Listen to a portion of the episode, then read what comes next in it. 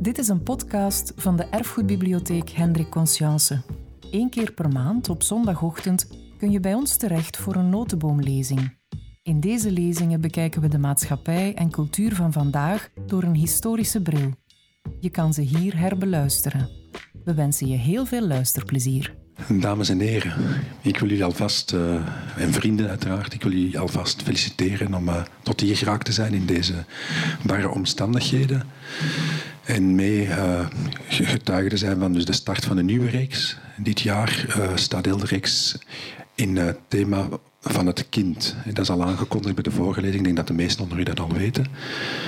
De lezing van vandaag is nog een beetje een overgangslezing in de zin dat het eigenlijk meteen gaat over een, toch een beetje een, een duistere kant van, van, uh, van, laten we zeggen, alles wat er rond het kind zou kunnen verteld worden.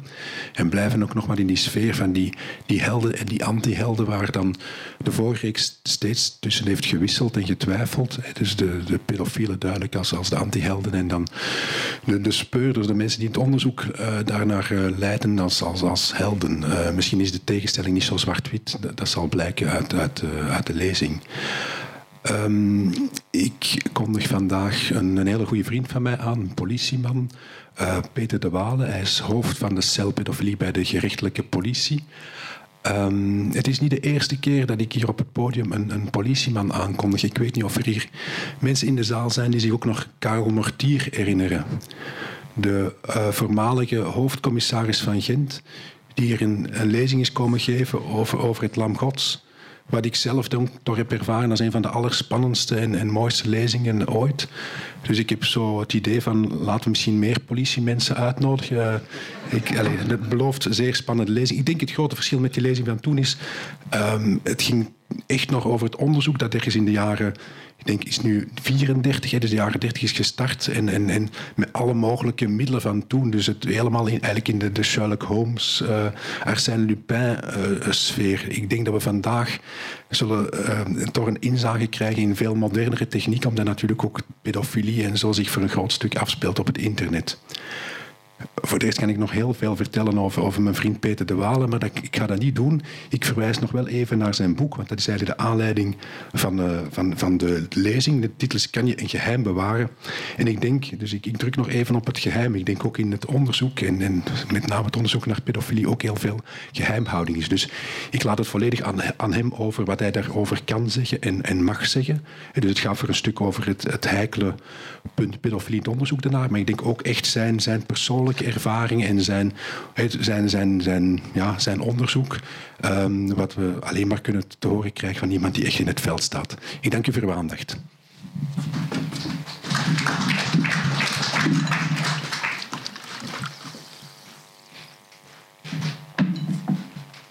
Goedemorgen, dames en heren. Wij hadden een beetje technische problemen. Ik had mijn computer mee, maar die was dan niet compatibel met de beamer. En zo hebben we eigenlijk de computer van hier gebruikt.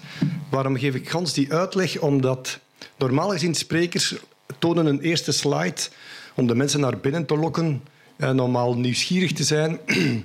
ik heb, uh, als ik een lezing geef, toon ik nooit die slide, want ik denk dat die soms, als je binnenkomt in een zaal, dat die op u valt als je die tekst leest. Maar door omstandigheden moesten wij de eerste slide al tonen. Ik heb gisteravond bij het samensteken van de lezing van deze morgen wellicht veel te veel, veel te veel slides voor jullie geselecteerd. Dus het zou kunnen zijn dat ik er enkele oversla als ik zie dat ik in tijdsnood geraak. Want ik denk dat jullie deze middag allemaal graag willen gaan eten. En mezelf kennende, en na 16 jaar ervaring in uh, seksueel kindermisbruik of de strijd tegen seksueel kindermisbruik, weet ik van mezelf dat ik mij wat in het gareel moet houden, want dat er anders voor de eerste maal uh, hier ook een avondsessie is van een lezing. Ik ga mij heel kort voorstellen. Ik heb altijd de indruk, u zal dat zien tijdens de lezing, als, als er een slide is en de lezer leest die voor, dan heb ik altijd de indruk als ik naar een lezing ga luisteren dat die mens denkt dat ik niet kan lezen. Dus van tijd zal ik jullie gewoon de slide laten lezen. Mijn naam, ik, uh, is al gezegd, ik werk bij de federale gerechtelijke politie in Brussel microfoon in mijn hand nemen, want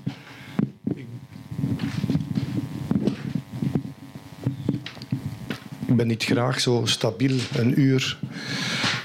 Mijn graad dat speelt eigenlijk niet veel rol. Ik ben groepchef van de ploeg seksuele uitbuiting met minderjarige slachtoffers. Een beetje mijn dada, en ik ga mij heel erg moeten inhouden, want ik, daar kan ik al drie uur over vertellen, is het verhoren van slachtoffers van seksueel kindermisbruik. Het is mijn dada om, omdat ik daar ook docent in ben bij de politieschool en omdat het iets zeer ingewikkeld is. Je zal denken, ik ga toch, ik ga toch een tipje van de sluier oplichten straks. Je zou denken, ja, wie kan er nu niet met een kind praten?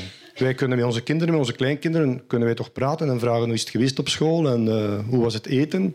Maar het blijkt veel moeilijker te zijn als je een kind moet ondervragen over mogelijk seksueel kindermisbruik. Ik ben ook lid van een internationale organisatie die ik soms ga vernoemen. Die wordt uh, georganiseerd door de FBI. Ik ben daar ook vijf weken op stage mogen gaan bij de FBI. Dat is uh, een mond vol de International Innocent Images Task Force. Nu, wat is dat? Dat zijn eigenlijk mensen zoals ik in de verschillende landen in de hele wereld die informatie uitwisselen en die ook ieder jaar het klinkt een beetje raar, maar zoals de, de modemensen samenkomen in Parijs om de nieuwe trends te bespreken ieder jaar, zo komen ook mijn collega's overal ter wereld komen wij samen om ook de nieuwe trends te bespreken, de nieuwe technieken om het seksueel misbruik te bestrijden. En ik zeg dan, als zelfs de FBI zegt wij moeten informatie hebben van alle collega's van de wereld, want wij kunnen dat probleem zelf niet aan, dat is toch al veel betekenend dat zelfs zij, en ik spreek dan meer over uh, het internet, dat zelfs zij dat niet uh, alleen aankunnen. Alleen al het feit dat zij onze hulp vragen voor de FBI is dat niet zo uh, evident. Moet het zien.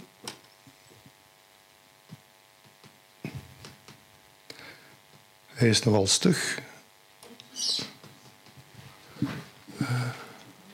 Maar wij hebben een technieker in de zaal, dus. Het,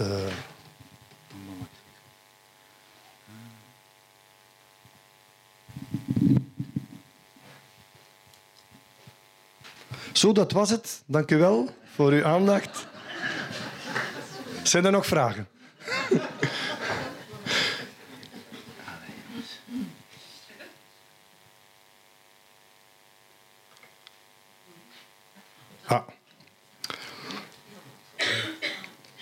Ik denk dat een beetje zoals ik is. Ik ben geen ochtendmens. Ik moet een beetje inlopen, zoals een diesel.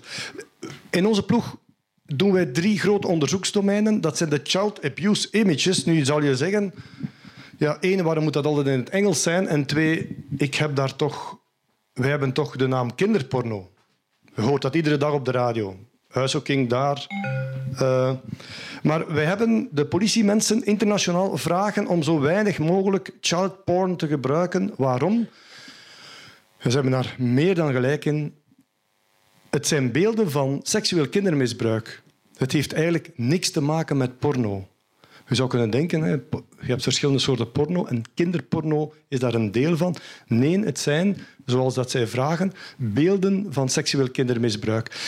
Als ik tot op het einde van hetgeen dat ik voor jullie heb voorbereid kom, dan zullen jullie merken dat iemand die op zijn computer kinderpornografie heeft of child abuse images, dat dat niet zomaar iets is dat je per ongeluk of per nieuwsgierigheid downloadt. Ik heb daar heel interessante onderzoeken over. Dan, uh, sekstoerisme is ook toch een plaag. Mensen die denken, ik vlieg 10.000 kilometer en voilà, ik kan doen wat ik wil. Nee dus. Uh, om het heel simpel uit te leggen, wij hebben in België een extraterritoriale bevoegdheid. Om dat simpel uit te leggen, als u straks naar Parijs gaat, u pleegt daar een bankoverval en u komt terug naar België, is de Belgische justitie uh, niet in staat om op zich een onderzoek te voeren naar jou. Wij kunnen wel de, de Franse collega's verwittigen. Voilà, we hebben informatie dat die Belg... En zij komen dan naar hier met een rogatoire commissie. Wel, dat is, dat is uh, verschillend van seksueel kindermisbruik. Dus als u straks of volgende week naar Thailand gaat... Hè, waarom zeg ik Thailand? Omdat dat dat mijn klanten, tussen aanhalingstekens, heel vaak naar Thailand gaan. Ik denk niet voor de mooie natuur. Dus als zij dan 10.000 kilometer verder um, seksueel kindermisdrijf plegen en ze komen terug naar België, zijn wij bevoegd om het onderzoek te voeren. Ook al is het misdrijf in het buitenland gebeurd. En zo krijgen we informatie van sommige NGO's, Cambodja, Thailand, die ons melden, voilà, er is daar iemand geweest uh, of er is hier iemand door de politie ondervraagd, maar die is uh, door het geven van geld is die vrijgekomen. Als die terug naar België komt, dan kunnen wij een ontvangstcomité organiseren op Saventem. Altijd heel spannend, zowel voor ons, maar eigenlijk ook heel, heel spannend voor hem, want hij weet niet dat hij gaat opgewacht worden door de federale politie. En dan onderzoeken wij ook de complexe hands-on dossiers. Waarom zeg ik complex? Omdat er door de procureurs-generaal uh, beslist is geweest dat bijvoorbeeld uh, intrafamiliaal seksueel geweld uh, die onderzoeken gebeuren door de lokale politie. En wanneer het onderzoek over verschillende arrondissementen gaat, en er ook bijvoorbeeld meerdere daders zijn van één kind of meerdere kinderen van één dader, dan is het wel uh, soms het, een feit dat de procureur des Konings of de onderzoeksrechter vraagt dat wij het onderzoek uh, verder doen. Oeh. Voilà. Wat ik ook nog graag wil zeggen voordat ik van start ga, en vooral voordat de vragen komen op het einde van de uiteenzetting, en ik hoop dat er heel veel vragen zijn. Ik leid momenteel de operatie Kelk. Maar ik heb daar voor jullie al op bij voorbaat een rood kruis overgetrokken uh, om te zeggen dat ik over dat onderzoek nog uitleg, nog vragen zal beantwoorden, omdat dat natuurlijk nog volop in, uh, in het vooronderzoek zit en dat ik uh, mede door mijn beroepsgeheim daarover niks kan zeggen, ook omdat het natuurlijk een nogal delicaat dossier is. Maar laat ons misschien afspreken dat, dat ik binnen tien jaar over operatie Kelk eens een uiteenzetting kon geven ik denk dat dat een zeer interessante uiteenzetting zou kunnen worden. Hij blijft stug. Ah. Voilà. Om jullie eventjes te zeggen, eh, zedenfeiten, als ik dan vraag, als een, gastcollege geef op de universiteit en ik vraag aan die studenten, uh, wat moet er eigenlijk gebeuren met zedendelinquenten, dan hoor ik van alle straffen gaande van uh, dat de doodstraf terug moet ingevoerd worden tot dat het Gravensteen in Gent terug moet geopend worden om ze in de vergeetput te gooien. En dan heb ik eigenlijk een interessante discussie met hen. Wat is eigenlijk een zedenmisbruik? Dat is niet zwart en niet wit. Daar zitten, om een heel slecht boek te citeren, ook 50 tinten grijs in. En ik heb, om te starten, heb ik voor jullie drie kleine onderzoekjes geanonimiseerd. Ja, zo is het woord. En jullie mogen straks zelf eens uh, rechter spelen. Je moet daarin niet actief, u kan het in het hoofd misschien. En ik ga jullie drie feiten vertellen waarbij dat u zegt... Wij leven in 2013, we hebben een tolerante maatschappij, die moeten we gewoon aanvaarden. Of twee, zegt u, ja, we gaan gewoon die mensen er eens over aanspreken. Zeg, wij vinden toch eigenlijk dat dat niet kan. Rekening houden met de zeden van, van nu. Vinden wij toch dat dat niet kan, je mag dat niet meer doen. Drie, zeg je, ja, die mens daar is, die heeft een vijs los, die moet in therapie gaan. En vier, dan geeft u mij werk. We moeten de politie inschakelen en justitie moet daar een uitspraak over doen. Kan iedereen dat goed lezen? Anders lees ik het toch voor, hoor. Ik geef jullie eventjes de tijd. Kan ik terwijl eens drinken? Uh, Koen, het is... Uh, dat, is een, uh, dat, is niet, dat is geen zaak van, van u, hoor. Dus wees gerust. Ik heb gewoon uh, een of andere voornaam gebruikt en ik dacht aan Koen, maar heeft er niks mee te maken. Kan er mij iemand tekenen doen wanneer het gedaan is met lezen? Zo is het. Hebben jullie dat gelezen? Oké. Okay. Voilà. U bent rechter ten gronde. Wie vindt 2013, 15 jaar, oh zeg, we leven toch niet meer in de middeleeuwen. Wie vindt dat wij dat gewoon moeten aanvaarden, zonder meer? Geen kandidaten. Wie gaat die pianoleraar daarover aanspreken en zeggen, man, dat kan eigenlijk niet. Maar voor de rest daar weinig mee doen. Wie stuurt die man naar de psycholoog of de psychiater? Oké, het is een heel... Een, jullie zijn een, een, eh, publiek met heel veel uh, nuances in het denkvermogen ontzeten. Heel, heel, heel tof, want dat, uh, dat zal later dan in de vraagstelling ook naar voren komen, hoop ik. En wie gaat er uh, de politie verwittigen? Oké. Nu, misschien een tussenvraagje. Seksuele meerderjarigheid, meerderjarigheid, wanneer mag een jongen of een meisje met toestemming? Want als het niet met toestemming is, dan mag je, dan mag je uh, 95 jaar zijn, dan is het altijd verkrachting. Maar met toestemming... Uh, hoe oud moet je zijn om toestemming te geven voor seksuele contacten? Wie zegt er 18? 16? Wie vindt eigenlijk Ga eens, uh, kijk, je ziet, ik ken mezelf, ik ben al aan het afwijken. Ik moet zien dat ik terug op de rails geraak straks. Maar het is zo'n super interessant onderwerp, zeden en, en uh, de strijd tegen seksueel misbruik, dat ik van tijd wel eens dera derailleer. Wie vindt uh, 16 dat dat naar beneden mag? Wie vindt zich 2013 14? Seksuele meerderjarigheid 14. Wie vindt dat het naar omhoog moet? 18. Wie vindt 16 een ideale leeftijd? Oké. Wat zo raar is, op de universiteit vraagt het altijd om zo'n keer te toetsen. De jeugd, wat denkt hij daarvan? Uh, een uitzondering niet na, vinden ze 16 allemaal een heel goede leeftijd en vinden ze allemaal dat dat niet naar beneden moet. Onze studenten tussen de 18 en de 22, 23 jaar. Nu, als ik dat nog eens neem, zouden jullie een andere mening hebben als ik een andere slide zou gebruikt hebben, het is te zeggen een andere voornaam en een ander geslacht. Ik lees eventjes voor. Lisa is 15 jaar en krijgt privé pianoles bij haar 38-jarige leraar.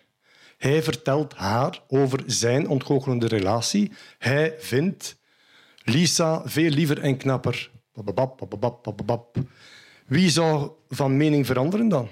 Wie zou er van 1 naar 2 of van 2 naar 3 of het is wel raar hè, dat jullie van mening veranderen, omdat het een meisje is of een jongen. Nu, ik ga u straks de, de, de, de laten zien, de Belgische pedofiel, wie dat, dat eigenlijk is. En daar zal je ook zien dat vrouwen daar sterk in ondervertegenwoordigd zijn. En dat komt onder andere door hetgeen dat ik er juist aan jullie vraag. Zou ik dat omwisselen, zouden jullie een ander idee hebben?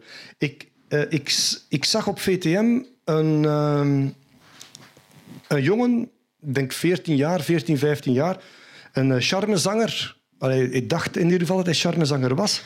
En hij zei, ja, ik ga iedere week gaan optreden in parochiezalen en, en feestzalen. En ik doe dat ter ere van mijn moeder. Ik ben heel ziek geweest in mijn jeugd. Mijn moeder die is dag en nacht bij mij gebleven. En ik doe dat ter ere van mijn moeder. En zegt hij, kijk, ik ben 14 jaar en ik ben niet beschaamd om te zeggen voor televisie. Mijn papa die is nachtwaker en ik slaap nog twee à drie keer per week bij mijn mama. En dan ben je naar tv aan het kijken en dan denk je... Amai, dat is eigenlijk toch wel knap van die, van die gast dat hij dat ter ere van, van zijn mama doet. Maar ik zat mij gewoon af te vragen... Neem nu dat er een charme zangeresje zegt... Ik doe dat ter ere van mijn papa en ik moet eerlijk zijn... Ik wil dat voor televisie zeggen. Ik ben 14 jaar, mijn mama die is nachtverpleegster... en ik slaap nog twee à drie keer in de week bij mijn papa. Ik denk dat onze voelsprieten dan net iets anders zouden reageren dan in het andere verhaal. Dus ik ga al vooruitlopen op het profiel van de Belgische pedofiel. Daar zit daar een dark number in van vrouwelijke plegers, omdat wij dat niet zien als je straks uh, in het park, en het is nu wel geen weer, maar als je in het park zit op een bankje en je ziet uh, drie, vier uh, meisjes van acht, negen jaar spelen en er komt daar een, een oudere man bij, totaal onbekend. En die zegt, hey, meisjes, hoe is jullie voornaam? Amai, jullie zien er allemaal wel mooi uit. Hè? Heel mooi. Zeg, uh, ik zou graag eens met jullie willen gaan wandelen. Of alleen met u. Uh, wat denkt u ervan? Ben ik geen lieve man? En, en dan ga je zeggen, oh, ik moet dat hier in toog houden. Hè? Maar neem nu dat er drie, vier jongetjes van acht jaar benaderd worden door een oudere vrouw die eigenlijk juist hetzelfde zegt, dan gaan jullie eigenlijk veel losser reageren, omdat jullie eigenlijk die combinatie moeilijker zien dan wanneer er een mannelijke pleger is. Ik wou het percentage al zeggen, maar ik ga jullie in spanning houden. Oké, volgende.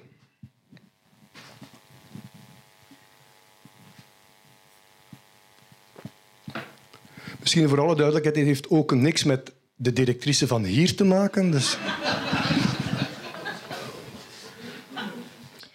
Wie kiest er voor vier? De politie moet ingeschakeld worden, moet een degelijk onderzoek gevoerd worden naar die mevrouw. Wie stuurt ze naar de therapeut? Wie gaat tegen die vrouw zeggen dat is niet uw functie, binnen uw functie, je hebt een voorbeeldfunctie, dat is ongepast? En wie is er van de mening van als dat een goede directrice is, dan doet ze in haar vrije tijd wat dat ze wil, als dat maar binnen het wettelijke valt? Oké, goed zo. We gaan naar de laatste. Ik zou eigenlijk zo een tiental met jullie willen overlopen, want ik vind het interessant dat jullie allemaal een andere mening hebben. Maar dat is dan de laatste.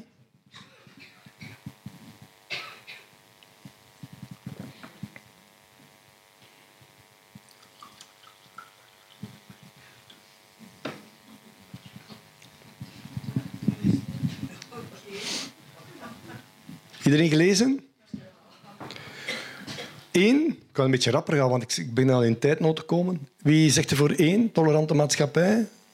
Ja. Wie is er voor twee? We gaan tegen die man zeggen, zeg, als je omkleedt, doe dat dan een keer... Uh... Wie gaat hij naar de zielenknijper sturen? Wie gaat er naar ons bellen? Oké. En als hij dat iedere dag doet, gedurende 14 dagen. En als hij dat doet, goed wetende dat die kinderen hem zien. Of als het toevallig is. Je ziet, zedenfeiten, dames en heren, is, het is niet zo simpel om te onderzoeken, omdat de meeste zedenzaken ook zijn van het slachtoffer zegt, hij heeft het gedaan, en de dader zegt, of de verdachte zegt, ik heb het niet gedaan. De moeilijkste verkrachtingen, ik spreek nu niet over kindermisbruik, maar over verkrachtingen uh, onder volwassenen, als ik het zo mag noemen. Dat is als de, nu de vrouw zegt, die meneer heeft mij verkracht in mijn huis. De gemakkelijkste oplossing of gemakkelijkste onderzoek is als die man zegt, ik ben niet in dat huis geweest. Dat is super voor ons, want dan gaan wij vezelonderzoek doen en haaronderzoek en kunnen wij bewijzen technisch dat die man in dat bed gelegen heeft. Maar de meeste verdachten zijn veel slimmer. En die zeggen, uiteraard ben daar geweest en dat was heel leuk en heel fijn. En die vrouw heeft toelating gegeven. Dan zegt die vrouw, hij, ik heb geen toelating gegeven. En de man zegt, zij heeft toelating gegeven. Dat zijn zeer moeilijke onderzoeken. Maar dat is voor mijn collega's die met de volwassen zedenwerking bezig zijn. Nu, ik had gezegd, mijn grote dada, dat is het verhoor van minderjarigen. Dat is super interessant. Ik ga jullie er toch twee kleine zaken van vertellen. Even tonen hoe dat, dat eruit ziet. Hier is de onthaalkamer. Het is nog wel evident. In 2097 is er een schrijven gekomen dat de onthaalkamers van de kinderen moeten gescheiden zijn dan de onthaalkamers van de drugverslaafde die een oldop heeft gepleegd en zit te wachten totdat de politieman hem komt ophalen. Dat is nogal evident. Dat is de verhoorkamer. Wat je niet ziet, zijn de camera's en de microfoon. Die, die, die, die zitten erboven, dus die staan niet op de foto. Nu, je zal al merken dat er toch wel een verschil is. Het speelgoed is weg, onder andere. weet er iemand waarom het speelgoed weg is in een verhoorkamer? Ik zit hier zo. U zegt de aandacht, zeer goed, de afleiding. Maar het grootste is, het grootste, de grootste reden is dat wanneer u straks met uw kleinkind of uw kind praat, dan is zij het kind en ben jij de mama of de oma. Als je met je kind speelt, dan is zij de prinses en ben jij de koningin. Wij willen gewoon het risico tot fabulatie inperken en niet denken dat het kind zegt oh, ik ga hier met een eh, vriendje spelen waarbij dat eigenlijk de fantasie ook aangewakkerd wordt. Waarom? Wij hadden onlangs bezoek uh, en de, de, de buitenlandse collega die zoiets moet installeren in zijn land, die zei, ah, pourquoi il n'y a pas de bonbons? Hè? Dan weten jullie toch waarom dat er geen snoepjes in onze kamer zijn. Omdat natuurlijk de meeste zedenmisdrijven met minderjarigen ook gebeuren met snoepjes en speelgoed, et cetera, et cetera. Dus uh, dat is de technische kamer waar alles opgenomen wordt. Nu, waarom wordt daar audiovisueel opgenomen? Het heeft een paar uh, voordelen. Eén, het grootste voordeel is dat je het kind je het oogcontact niet verliest. Want anders moet je typen, vragen, typen, vragen. Ten tweede ook dat uh, vooral dan de expert-psycholoog die aangesteld wordt achteraf kan zien naar het non-verbaal gedrag van het kind. We hebben allemaal eh, verbaal hebben wij ons allemaal nogal onder controle. Non-verbaal iets minder. Hè. Verwondering of schrik, dat kan je zien. En uh, ten derde is dat dat verhoor dan ook kan gebruikt worden. Neem nu dat de, de advocaat van de tegenpartij vraagt dat op de zitting het kind moet komen getuigen. Dus dat gebeurt nooit. Dan gaan wij dat is dan meestal onder gesloten deuren, gaan we dus die uh, laten tonen op groot scherm, zoals jullie nu zien op, ehm, in de rechtszaal. Het belangrijkste, ik zeg het, ik zou daar twee avonden kunnen geven over het verhoor van minderjarigen, maar het belangrijkste is niet suggestieve vragen stellen. En dat is niet zo makkelijk. En er is een onderzoek gebeurd in Canada waarbij dat men 105-jarigen, jongetjes, naar de pediater had gestuurd, individueel. En die had met zijn lamp in de oren, de ogen, de neus en de mond gekeken.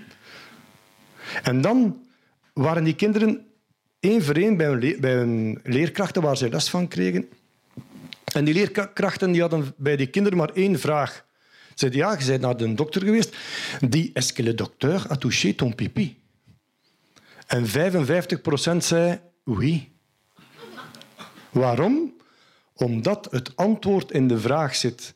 Had die leraar gevraagd, u bent er juist bij de dokter geweest, hoe is dat verlopen? Dan had hij die kinderen verteld van dat lampje en die oren, die ogen en die mus. Maar er was waarschijnlijk geen enkel kind geweest dat gezegd had, ah, en is, is ook al mijn piemel geweest. Dat moeten wij vermijden. En waarom moeten we dat vermijden? En ik kom al eigenlijk naar een hoogtepunt in de strijd tegen seksueel misbruik. Ik vind Iedere politieagent moet objectief zijn, maar mensen die zedenonderzoeken doen, moeten, dat moet zeer hoog in het vaandel staan. En waarom? Neem nu, jullie gaan straks naar huis. Stel u eens voor, ik zal me eventjes tot de mannen richten, niet tot de vrouwen, maar tot de mannen. Jullie gaan naar huis. Er staat een uh, politiecombi van de politie van Antwerpen. En die zeggen tegen u, ah, bent u meneer X? Uh, kan, je, kan je eventjes meekomen naar het politiebureau? Ah, voor wat is het? Jammer, nee, we gaan dat straks wel uitleggen. En je zit daar in het politiebureau en je denkt... Ja, ik heb waarschijnlijk mijn vuilzak een dag op, ervoor opgezet. Ze, hebben, ze gaan mij voor sluik storten, een proces verbaal maken. Nee, ze zeggen zich... Uh, meneer, herinnert u dat nog, het uh, buurtfeestje van Nieuwjaar? Ja, ik herinner me nog. En herinner je dat nog? Dat de kleine Lisa, tien jaar, van de geburen, die wou graag een Fanta, maar er was geen Fanta te krijgen. En u zei, ah, Lisa, uh, geef me een hand wij gaan samen, in mijn frigo staat er Fanta, wij gaan samen... Herinnert u zich dat? Ja, ja, ik herinner mij dat, uiteraard. Ja, en dan in die keuken. Wat is daar allemaal gebeurd? Wel, ik heb aan dat kind gevraagd, en hoe is het op school? En hoe is uw uh, juffrouw of uw leerkracht? En ga je graag naar school? En dan zegt die politieagent tegen u... Kijk, meneer, de reden waarom je hier bent, dat is dat Lisa eindelijk de moed gehad heeft om tegen haar mama en haar papa te zeggen dat jij in de keuken alleen in haar broek hebt gezeten. Ik kan u verzekeren, dames en heren, ik doe het al 16 jaar, als dat niet waar is, als dat niet waar is, de hemel komt op uw kop. Waarom? Omdat eenmaal, ik schrijf het ook in mijn boek, uh, eenmaal dat je aangewezen wordt als kindermisbruiker, terecht of onterecht, dat is geen stempel dat je op u hebt, dat is een tatoeage dat je op u hebt. Hè. Eh, neem nu dat wij na een onderzoek... Het gebeurt soms dat wij een huiszoeking doen bij iemand... een, IP-nummer dat verkeerd is. Dat wordt wel heel goed geverifieerd, maar het kan zijn dat wij voor een, een huiszoeking uh, ergens staan om vijf uur s morgens. Kijk, mevrouw, dat is een huiszoeking van onderzoeksrechter X te Brussel. Wij komen een huiszoeking doen. Wij gaan uw computer in beslag nemen. Wij gaan uw kot doorzoeken. Neem nu dat wij na drie maanden dat ik zou aanbellen bij die vrouw en ik zou zeggen, kijk mevrouw, herkent u mij nog? Ik ben de politieman. Dat is meneer Martens, de procureur. En dat is meneer Goedgebeurde, onderzoeksrechter. En wij komen ons namens uh, het gerecht komen wij ons excuseren dat wij een huiszoeking gedaan hebben die onterecht was. Grote excuses, uw man heeft niks te maken met kinderporno. Het gebeurt niet, hè? maar neem nu dat dat zou gebeuren. Wel, als een half uur nadien De zus van die vrouw belt, zeg, kan uw man eventjes babysitten op de kinderen? Ik ben er zeker van dat ze gaat zeggen, nee, hij moet ergens naartoe of er is geen tijd. Dus je krijgt eigenlijk... We hebben zo verhalen van, van uh, mannen die dan in... Ik weet niet of dat nog bestaat, een Tros-Suisse-catalogus.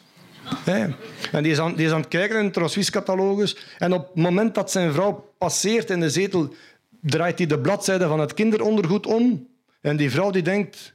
Tja, Misschien hebben ze toch gelijk, die mannen. Dus ik vind dat onderzoek naar kindermisbruik moet goed, degelijk. We moeten daar heel veel middelen voor inzetten. Maar we moeten ook maken dat we geen mensen beschuldigen uh, die dat niet zijn. En daarom is dat kinderverhoor zo belangrijk. En als ik zeg, herinnert u op doktersbezoek, en als ik zeg tegen een kindje, en heeft onkel Willy dan in uw broek gezeten? En dat kind zegt, ja, ah, voilà. Voilà, onkel Willy, we gaan die in de gevangenis steken, want het kind heeft duidelijk gezegd dat onkel Willy in haar broek gezeten heeft. Terwijl dat de politieman het gezegd heeft. Dus dat, dat verhoor van minderjarigen is superbelangrijk. Om u een ander voorbeeldje te geven. Opleiding van politiemensen in Canada. Neem nu dat jullie jullie eindexamen kinderverhoorder doen. En ik spreek jullie toe. Ik zeg, kijk, voilà. In de andere bibliotheek zitten allemaal kinderen. Jullie eindexamen, of je er door bent of niet door bent, is gebaseerd op uw laatste interview dat je nu gaat doen met een minderjarige. Maar we gaan het jullie wat gemakkelijk maken. We gaan zeggen wat wij hiernaast gezegd hebben bij die kinderen. En we hebben die kinderen verteld dat er een meisje was die op een fiets reed. Er stak een hond de baan over. Het meisje reed tegen een boom, de verpleegster kwam en het meisje had haar been gebroken. Nu moeten jullie niet suggestief dat, dat verhaal reconstrueren, want die kinderen hebben dat verhaal gekregen. En wat zien we? Wat is er eigenlijk gebeurd? Ze hadden dit verhaal verteld aan de kinderen. Er is straks een politieman die jullie wat vragen gaat stellen. Ik zal u eerst een verhaaltje vertellen. Er was een meisje op een fiets. Er stak een hond de baan over. Het meisje reed tegen een verkeersbord. De verpleegster kwam en het meisje haar been was gebroken. En wat zie je? Dat die politiemensen onwaarschijnlijk goed verhoren. Tot hier. Hier is er een groot probleem. Dan krijg je zeer eigenaardige vragen van het, aan het kind. Onder andere, als het kind zegt, ja, het meisje reed dan tegen een verkeersbord. En dan, dan zie je eigenaardige vragen van politiemensen. Onder andere, heeft dat verkeersbord bladeren? Dat verkeersbord onderaan, heeft dat wortels? Waarom? Omdat zijn voorkennis hem belet om objectief te verhoren. Dus een politieman mag niet te veel details kennen van het, de feiten waarvoor hij het kind moet verhoren. Dat is een laatste. Ik moet mij zeer erg bedwingen om daar nog niet meer over te vertellen, maar ik heb nog zoveel uh, voor jullie uh, klaarstaan. Uh, Kinderen zijn eigenlijk niet gewoon om tegen grote mensen te zeggen ik weet het niet. Dus we moeten dat leren. En dan zeg ik soms tegen een kind, zeg, als je iets niet weet, dan heb ik graag dat je zegt ik weet het niet. Gaan we dat eens proberen samen? Ja, ja, ja. Hoeveel kindjes heb ik? Uh, drie. Ken je mijn kindjes, zeg ik dan. Nee. Ja, maar je zegt drie. Ja, maar ik denk dat jij drie kindjes hebt. Dan zeg ik, wel, als je dat denkt en je weet het niet, dan heb ik liever dat je zegt, ik weet het niet. Maar we gaan dat nog eens proberen. Wat voor kleur van wagen heb ik? Uh, blauw. Ken ik in mijn wagen? Nee, omdat je blauw is. Ik denk dat... Dus wij moeten kinderen leren om op onze vragen ik weet het niet te antwoorden. En ik vroeg mij af, hoe komt dat eigenlijk dat, dat kinderen dat niet, niet, niet, niet zeggen of, of dat we er zoveel moeite voor moeten doen. Maar de oplossing is eigenlijk gekomen. Ik reed naar huis en mijn, mijn, eh, mijn dochter had haar eten niet op. En ik vroeg aan haar, waarom eet je je eten niet op? En mijn dochter zei, ik weet het niet. En wat zei ik als papa? Ja, dat is geen antwoord. Hè? Dus wij leren onze kinderen niet te zeggen, ik weet het niet. Ze hebben zo'n test gedaan bij de laatste jaars kleuterklas. En ze hebben dus uit een andere reeks vragen hebben ze absurde vragen gesteld aan die kinderen. Wat is er groter, melk of water? En wat is breder, rood of geel? Nu onthoud het, wat dat jullie, wie denkt er dat, dat zij merendeel melk hebben geantwoord? Wie denkt water? Onthoud het. Breder. Wie zegt er dat, dat ze meestal rood geantwoord hebben, wat dat breder is? Wie meestal geel? Onthoud het goed, want hier komen de oplossingen en wij hebben er eigenlijk uit al de antwoorden, waarom dat ze de antwoorden, hebben wij twee antwoorden gedistilleerd.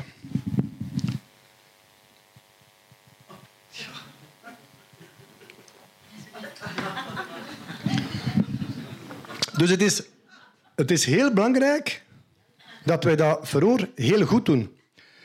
En bijvoorbeeld, onlangs was er een meisje, ik vraag dan altijd op het einde van het verhoor, zie je dat ik toch veel langer aan het praten ben dan dat ik voorzien had, maar ik vind het een, een, leuke anekdote. Leuk, in mijn job is niks leuk, maar um, op het einde van, uh, van een verhoor vragen we altijd aan het kind, ik heb je nu heel veel vragen gesteld, heb jij nog vragen? Of wil je nog iets zeggen? Of wil je nog iets geven aan ons? Of...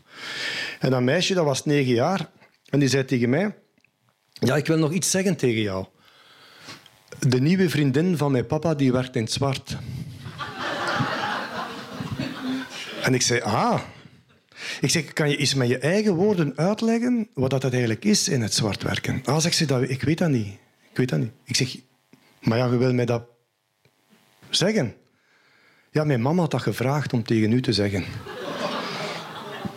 Nu, als die mama vraagt om van alles tegen ons te zeggen, over de papa zijn nieuwe vriendin, kan het misschien ook zijn dat die mama andere dingen gevraagd heeft om aan ons te vertellen, om haar man of haar ex-man te kwetsen. Dus daar moeten we ook voorzichtig mee zijn. Ik ben heel blij dat uh, de, de na periode, waarbij dat, uh, mensen die aan het scheiden waren, dachten dat mensen die aan het scheiden zijn elkaar willen koeioneren, daar kan ik nog inkomen. Dat ze hun kinderen daarvoor gebruiken, maakt mij heel kwaad. Ik zal u zeggen waarom dat mij heel kwaad maakt. En als je 16 jaar pedofiele veroort, ik kan u verzekeren, u hebt uw kwaadheid moet je heel erg onder controle hebben. Maar waarom uh, ben ik zo kwaad op mensen die dan in een echtscheidingsproblematiek hun kinderen gebruiken, of beter gezegd misbruiken? Enerzijds omdat ik vind dat dat seksueel kindermisbruik is, maar dan wel via het hoofd, vind ik heel erg. Maar wat ik nog veel erger vind, dat u de echte uh, seksuele kindermisbruiken binnen een echtscheidingsproblematiek volledig hypothekeert. Ik heb na de zaak Dutroux verschillende keren tegen mijn collega's moeten zeggen, die zeiden ja, ik heb vanmiddag een verhoor, maar ja, een, van een echtscheiding. Hè? Dat ik zeg, maar dat gebeurt wel tijdens een echtscheidingsproblematiek, maar door zoveel valse aangiftes had je zoal iets van ik geloof dat maar 20 procent dat het kind mij gaat vertellen. Dus maakt me er heel, ik maak me er heel kwaad over. Maar wat is eigenlijk... Uh, uh, dat is dan een tip naar jullie toe. Als, als er een kind is begint te praten over... Ja, ik, ik uh, ga niet graag bij onkel Willy, want die doet dingen die dat ik niet leuk vind. Dan moeten jullie natuurlijk niet die technieken kennen, want anders moeten jullie bij ons komen werken. Maar het grootste probleem is... Als een kind bij ons komt, heeft het ongeveer al tussen de 10 en de 15 keer het verhaal gedaan. Want papa wil dat en, de tante en de oma en de leerkracht. En, en dat is dat, dat bij ons een kind komt dat volledig besmet is. Een verhaal dat eigenlijk door andere mensen, door volwassenen, wordt besmet zodanig, als wij dan het kind verhoren, dat het kind meer bezig is met wat heb ik nu weer al gezegd dan wat is er gebeurd. Uh, enkele maanden geleden, uh, om u een voorbeeldje te geven, vroegen ze aan de kleuters in, uh, in, in Groot-Brittannië, ergens in Groot-Brittannië, ik had de tekening bij, maar blijkbaar is ze dan toch thuisgebleven, vroegen ze aan de, de kinderen, tekent een keer iets waar je heel veel schrik van hebt. En het, de tekeningen werden uh, binnengehaald. En Onmiddellijk was er alarmfase 3 van het rampenplan, want onmiddellijk werd de psycholoog verwittigd, de politie werd haar vader opgepakt, eh, begon het verhoor. Tot als er toch iemand aan het kind vroeg, wat heb je getekend? En ze zei, sizzles. Dus ze had een schaar getekend, maar zo'n kinderschaar. Zo'n heel lompe kinderschaar met daar twee gaten in. En iedereen dacht natuurlijk dat het het geslachtsdeel was van de papa. Dus wat is mijn vraag naar jullie toe als jullie geconfronteerd worden? Luistert en stel vragen, maar zeg niet van heeft hij dan uw broek uitgedaan? Heeft hij dan aan uw piemelen geweest? Heeft hij dan... Want als het kind ja zegt, herinner u het onderzoek van Canada? Ja. Ja, ja, dan is het misschien niet gebeurd. Maar als dat dan bij ons komt, dan is de loyaliteit naar de ouders of de grootouders toe zo groot dat hij dus zegt, ja, hij is in mijn broek geweest, ja, hij is aan mijn piemel geweest. Wat dat niet het geval is, maar hij wordt dat besmet door de mensen die met het kind praten. Voilà, ik zal nu stoppen over kinderverhoor.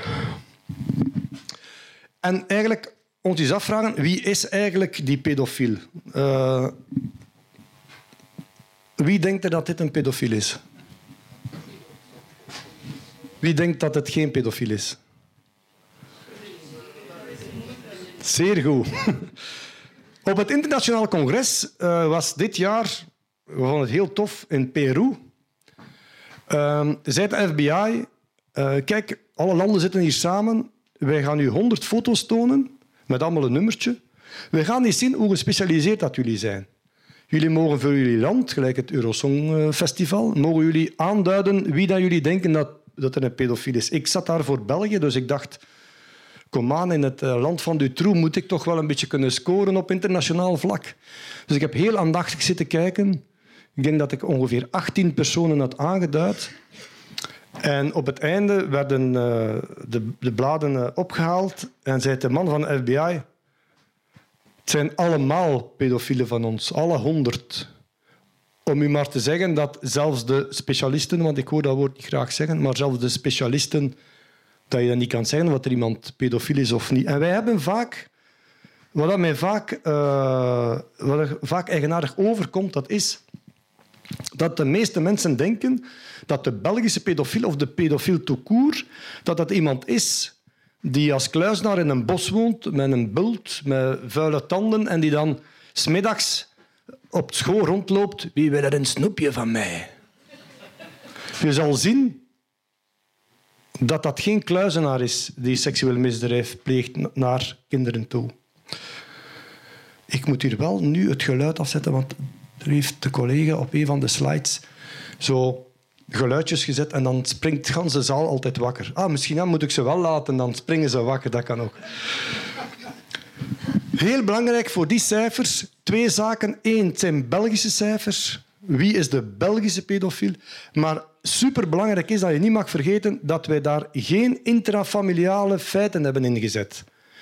Dus die cijfers zijn enkel en alleen extrafamiliaal. Dus geen seksueel misbruik in opgaande lijn. Of... Dus dat is zeer belangrijk. Ik zal een beetje rapper gaan. Voilà. Extrafamiliaal. Wat zien we? Het cijfer dat ons vooral moet interesseren is het derde cijfer van de Belgische pedofiel. 18% onbekende, of beter gezegd, uh, eh, 82% bekenden. En waarom hebben wij graag dat wij die kluizenaar zien dat rond school rondloopt? Omdat als je natuurlijk dat cijfer hier ziet en dat u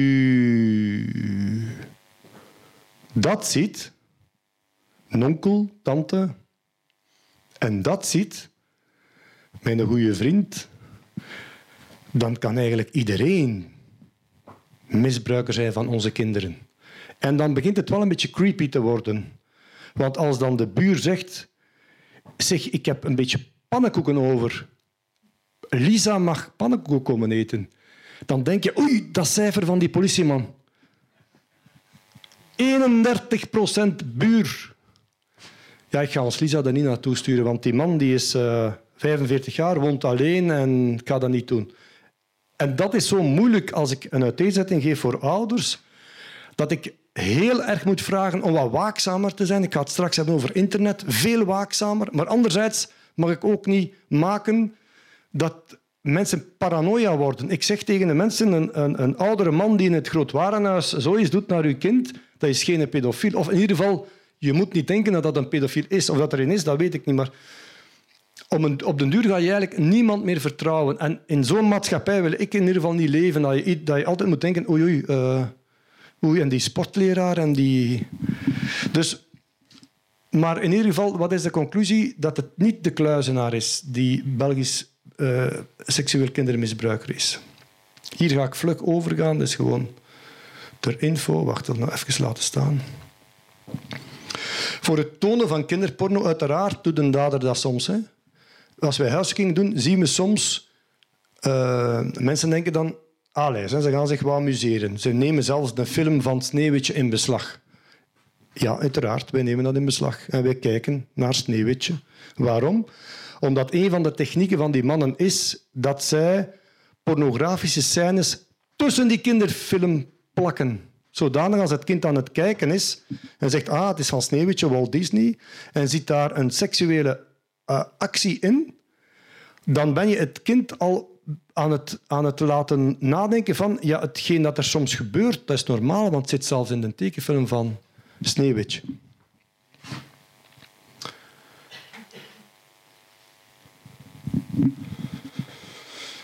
De helft van de tijd gebeurt het bij de dader. Maar ik denk dat de meest interessante slide die ik voor jullie opgezocht heb, is deze, vind ik. Het is... Ah,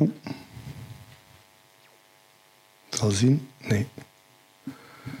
Een derde van alle seksuele kindermisbruiken in België duurt langer dan één jaar. Een derde. Extra familiaal. Hè? Dus het is niet dat je samenwoont met dat kind. Wil dat zeggen dat het kind met zijn fietsje komt, dat de pedofiel die in de struik trekt en meer dan één jaar misbruikt in die struik? Ik denk het niet. Dat wil zeggen dat kinderen teruggaan naar hun dader. Wetende dat dat gaat gebeuren, dat wil ook zeggen dat die dader het kind heeft geconditioneerd. Dat wil ook zeggen dat kinderen zeggen, onder andere laatstleden, ja, ik vind dat niet tof. Ik vind dat niet tof, maar dat is maar 5% van mijn aanwezigheid bij die dader. Voor de rest is dat er veel warmer en huiselijker en vriendelijker dan bij mij thuis. En ik neem dat daar dan maar bij, dat hij op het einde wat foefelt aan mij. Dus dat is toch wel een cijfer dat kan tellen dat dat langer dan één jaar duurt. Aha, nu komt het. Ik heb goed nieuws voor jullie. Er zijn maar twee geslachten. Dus dus de weddenschappen kunnen nu opengaan. Zeg maar, mannen, vrouwen, Belgische pedofielen. Kleef eens een percentage op. 80? 50-50? 95? 5.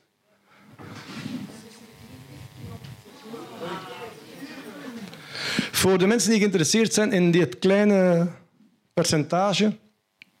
Twee zaken. Internationaal wordt er 10% gezegd. Bij mijn collega's, de statistieken bij mijn collega's wereldwijd zijn 10%, dus wij moeten toch nog een beetje beter zoeken naar de vrouwen.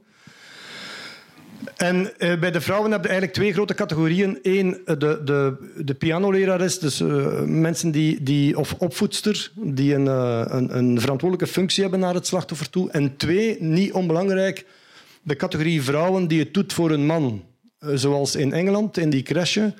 Die vrouw die maakte als verpleegster in de crèche kinderpornofoto's. Niet omdat ze dat leuk vond, maar de man die ze adoreerden, vond dat leuk. Dus zij deed het voor haar man. Dat zijn ook een heel groot aantal vrouwen die uh, seksueel misbruik plegen om, om die reden. Ik denk dan al zo, als ik dat bericht hoor, eh, dat er kindermisbruik, gelijk die, die man daar in Nederland, die uh, in de crèche kinderen misbruikt heeft, dan denk ik, als ze, als ze u dat zeggen als ouder, dan, aan wie heb je dan nog vertrouwen als je baby aan een verpleegster geeft in de crèche en uw baby wordt daar misbruikt, dan, dan, dan denk ik, ja, je, kunt toch in niemand meer uh, vertrouwen hebben. welke stand gaan we heel vlug overgaan.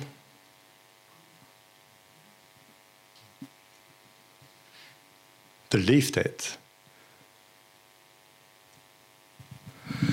Voor de mannen en ook de vrouwen eh, onder ons, als we zo naar een congres gaan en we krijgen les van een psycholoog, psycholoog spreekt meestal een andere psycholoog tegen, vind ik. Maar ja, dat is gewoon een... Uh, behalve, ze zijn toch ongeveer akkoord, of de meeste zijn toch akkoord, als ik dat mag geloven, in de internationale politiecongressen. Als je 18 jaar bent of ouder, 18, 20 jaar, en u bent geen pedofiel, dan zal u waarschijnlijk ook geen meer worden. Dus dat is toch wel goed nieuws, in mannen? Want ik denk dat iedereen hier meer dan, uh, dan 18 jaar is. Zijn er zo mensen die rekenen en als hobby hebben, die hebben dan wel al iets gemerkt? Dat ik nog iemand mankeer.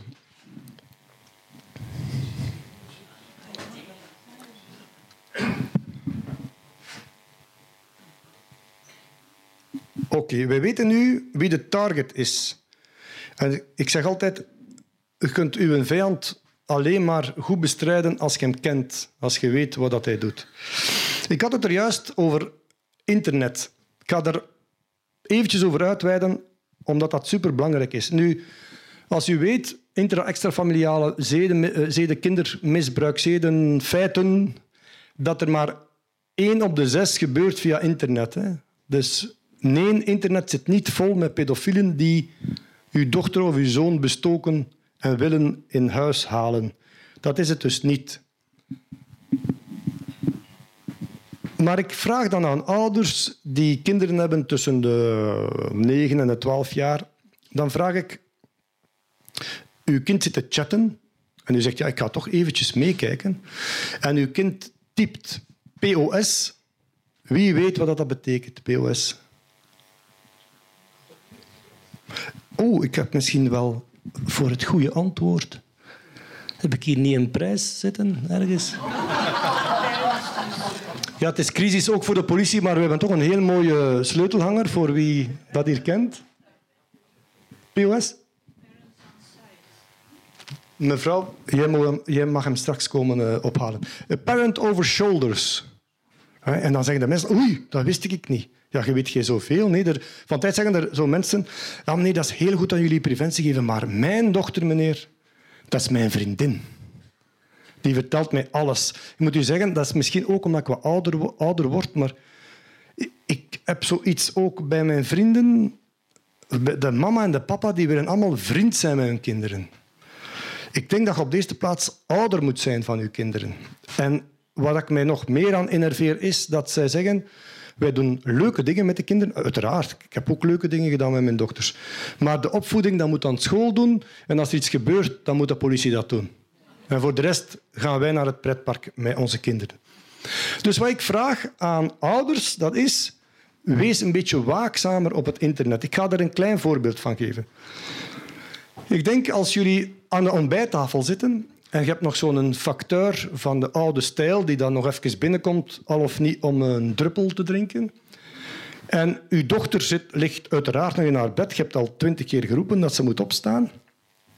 En die tienjarige dochter hoort gehoord, en die, gehoord die van de trap komen. En die facteur die geeft u twintig brieven. Oh, uw dochter is wel populair, zegt hij. Ik heb twintig brieven voor haar. En je begint die achterkant van die brieven te lezen, die envelop te lezen. En je zegt van Akker Achille, Goossens André, van Lanker Maurice. Ga jij die twintig brieven aan uw dochter geven? Of ga je aan uw tienjarige dochter vragen? Zeg, wie zijn dat die mensen? Zeg, wat schrijven die mensen? Ah ja, uiteraard. Iedere dag maken wij op het internet mee dat via het internet duizend brieven toekomen voor uw dochter. Totaal ongecontroleerd. En dan zegt er zo'n vrouw tegen mij...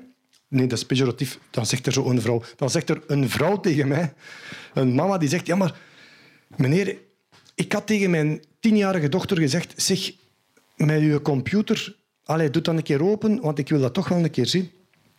En mijn dochter die zei tegen mij... Ja, maar mama, je moet vertrouwen hebben in mij. Ah. En dat is zo, hè. wij moeten vertrouwen hebben in de kindjes. En dan zeg ik tegen die vrouw, waar woont jij? In Kontig. Ah. En als uw dochter nu zegt, zeg mama, uh, morgen gaat hij mij niet zien, want er is een vriendin, maar mama en haar papa in de pannen en ik ga met mijn fiets van Kontig naar de pannen rijden.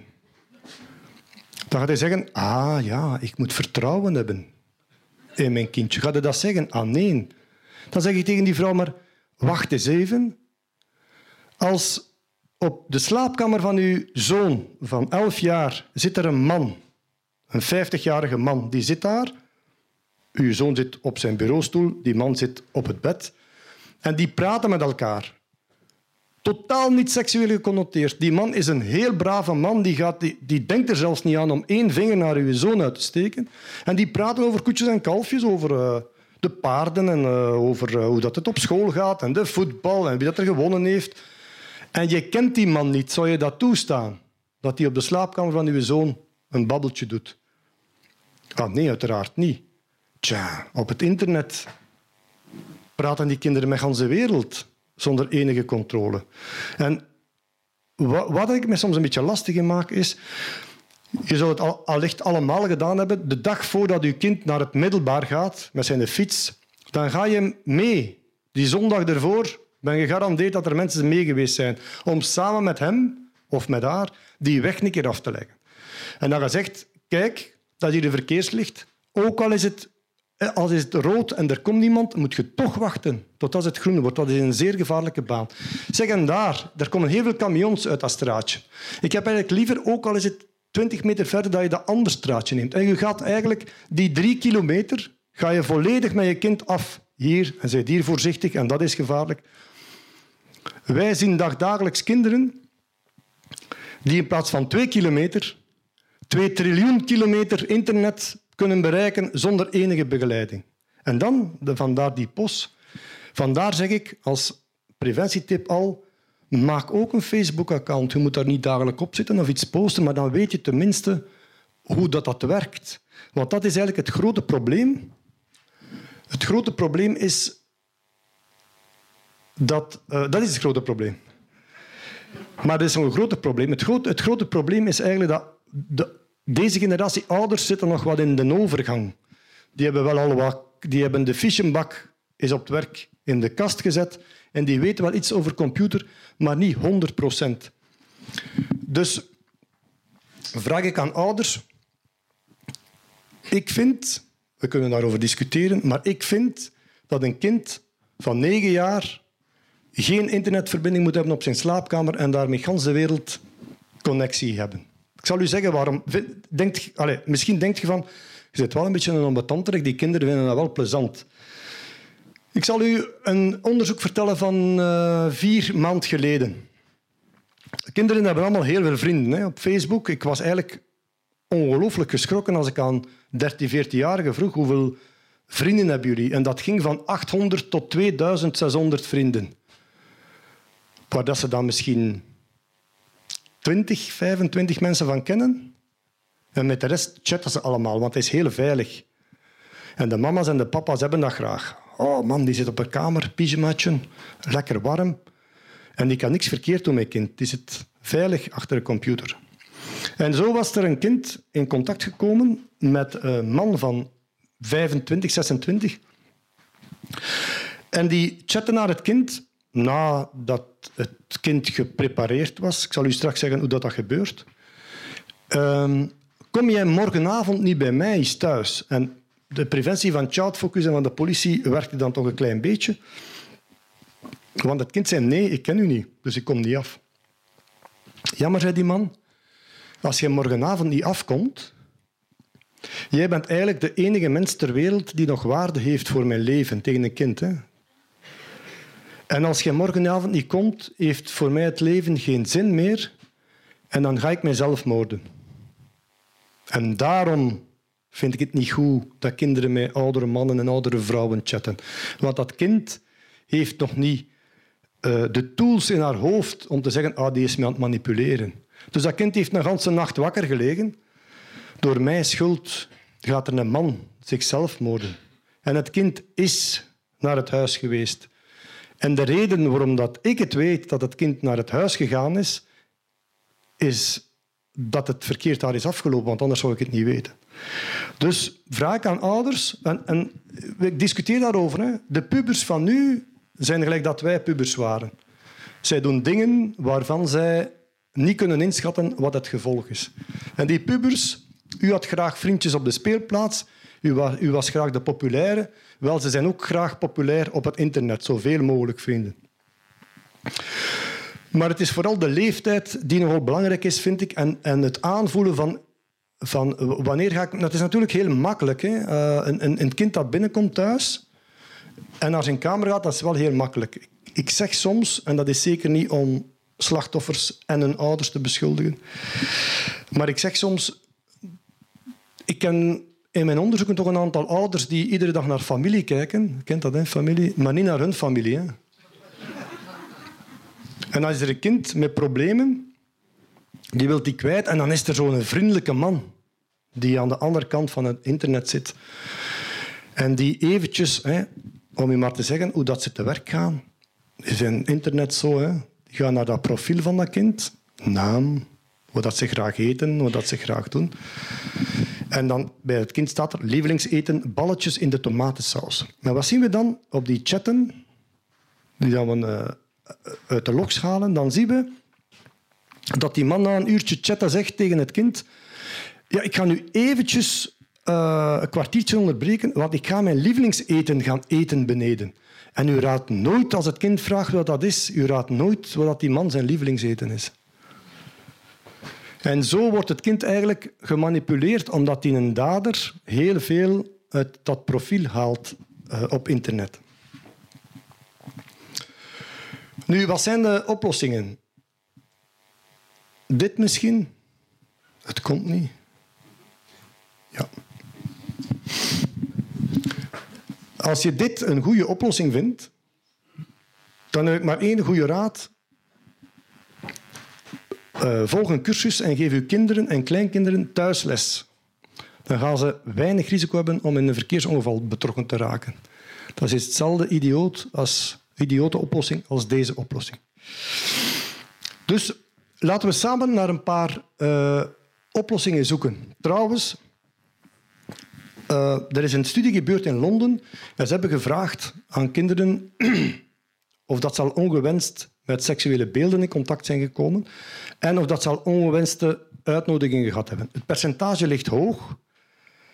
Uh, trouwens, ja, dat is niet altijd vrijwillig. Hè. Neem nu dat je als kind een spreekbeurt wilt maken over de kat, over je kat, en je typt op Google poesje,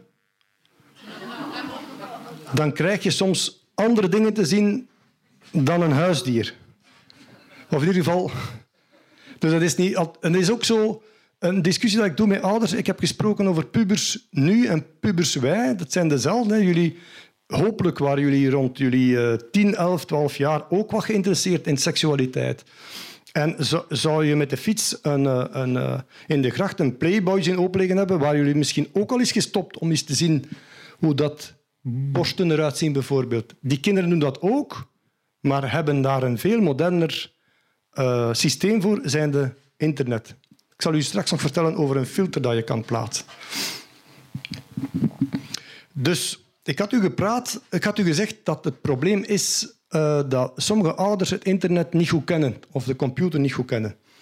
Er was een vader die binnengekomen was in, uh, in, in de living en het kind was daar naar een pornosite aan het kijken. Het kind was 10, 11 jaar en de papa vond dat niet leuk. En hij, moet dat ook niet leuk vinden, denk ik, want uh, dat is eigenlijk niet geschikt voor, voor kinderen. Ik zou u kunnen praten over een ander onderzoek, waarbij dat er, en dat vind ik eigenlijk uh, een, een, een, een beweging die alarmerend is. Ze hebben dus jongens en meisjes van rond de 18 jaar gevraagd hoe dat een normaal seksuele relatie eruit ziet. En wat zie je doordat die op internet naar eh, pornofilms kijken? Dat hun beeld van hoe dat mannen en vrouwen seksueel met elkaar in contact moeten komen, is een beeld volledig anders. Zodanig dat de meeste uh, jongens en meisjes het idee hebben dat wat ze zien via internet van pornografie, dat dat ook zo dat is dat ze moeten doen met hun partner. Eh, dat is toch... Allee, onrustwekkend dat, dat een heel groot percentage van die meisjes antwoorden. Uh, ja, regel 1 is, ik moet alles doen wat mijn vent graag heeft. Dan denk ik, wij gaan achteruit hè, in plaats van vooruit. Maar goed, ik ga het over die filter hebben, want ik was aan het afwijken. Je ziet, die PowerPoint is ook voor mij, dat ik weet waar ik jullie verlaten heb of waar ik de trein verlaten heb. Dus uh, die vader ging om een filter En uh, zoals het een goede vader past, een filter om pornosites te blokken. En zoals het een goede vader past, had hij de mogelijkheid tussen een filter van 30 euro, 70 euro, 80 euro en 195 euro. Hij kocht natuurlijk nee, nee, die man was in zijn midlife crisis en dan koopt altijd zo duurdere dingen. Dus 195. Dus die filter werd erop geplaatst. En na twee weken kwam die man terug in de living en zag terug dat zijn zoon op pornosites ging. Dus hij belde naar ons en hij zei... Uh, ik moet eigenlijk een, eh, een, een aangifte doen voor oplichting. Want ik heb een filter gekocht en die werkt niet. Dan hebben wij die man uitgenodigd samen met iemand van die firma, van die filters. Dus wat was er gebeurd? Die man die was naar huis gekomen met zo, kent dat, een doos met een dvd daarin. Had zich achter zijn computer gezet, had naar die doos gekeken. Gebruiksaanwijzing, makkelijke stappen. Dat was iets voor hem. En één was, open de browser. En die man die zei, uh, Antonieken, kom een keer jongen. Een browser, wat is dat eigenlijk? Ah, papa, dat is voor op internet te gaan, lekker export. Ah ja, ja, ga maar terug uh, spelen. Stap 2. Open het systeembeheer. Antonieken, kom een keer.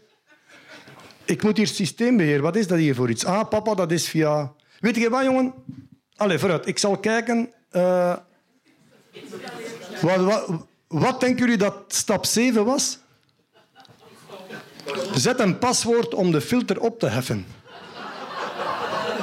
Dat is een voorbeeld om te zeggen dat... Dus, maar ik, moet hier ook wat goed nieuws brengen op een zondagmorgen. Dat gaat enigszins wel een beetje opgelost worden. De generatie nu, die eigenlijk... Ja, de computer en de gsm is bijna een hart. Als ze dat niet hebben, dan vallen ze dood. Die mensen gaan ook ouder worden. Niet ouder, maar ook mama en papa worden. En die gaan natuurlijk veel meer uh, van internet kennen dan de huidige generatie. We hebben op de FBI filmpjes gezien van, uh, van pedofielen die zeggen hoe ze. Ik weet niet of dat gaat werken.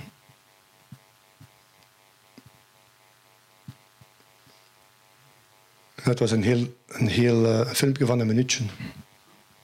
Oei.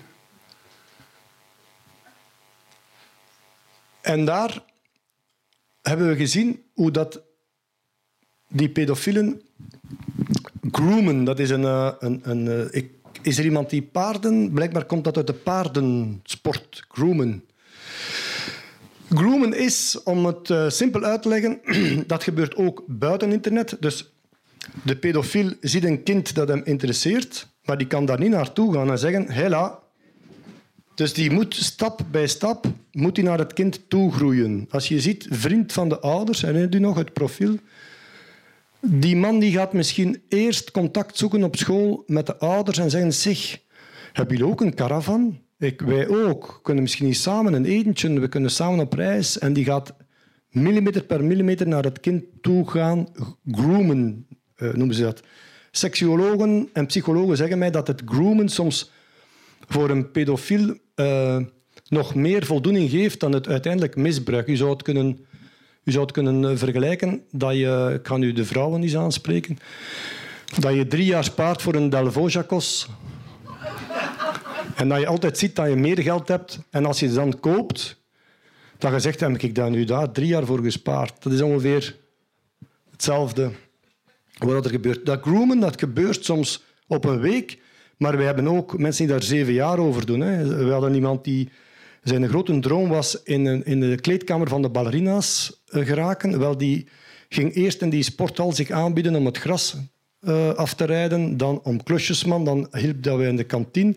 Dan reed hij naar de optredens als vrijwilliger met een auto. Totdat hij uiteindelijk na een cursus snit en naad zei van... Ik kan ook kleren maken. En hij geraakte na zeven jaar waar dat hij eigenlijk moest geraken. Dus hij is crewman. Op het internet gebeurt dat ook. Uh, waarom is groomen zo belangrijk? Omdat zowel op het internet als buiten het internet uh, pedofielen maar één schrik hebben, dat het bekend wordt. Dus zij moeten... De mensen die ik verhoor, pedofielen en, en uh, dat is hetzelfde woord. Dus die moeten op zoek gaan naar wat is de beste kandidaat om als slachtoffer te hebben en die dan ook te conditioneren. Bijvoorbeeld, die pedofielen in Amerika zeggen... als we zo in een chatbox gaan van kinderen, kijken we naar de namen. Hoe dat de nickname is van de kinderen. Nu, zijn hier ouders of grootouders bij die weten hoe een kind zichzelf voorstelt op het internet, wat een nickname is. Als daar staat, zoals wij al meegemaakt hebben, uh, ik zal nu een andere naam gebruiken, uh, Hot Loesje, 9 jaar, dat is natuurlijk een pedofiel die denkt dan, ja, daar, ben ik al, daar moet ik al, de eerste twee stappen moet ik al overslaan. Die biedt zich zo aan. En zij gaan ook op zoek naar... Bijvoorbeeld, we hebben een onderzoek gedaan en er was een meisje van uh, eh, 12 jaar die zette op de, in de chatgroep uh, ik heb geen zin meer om te leven.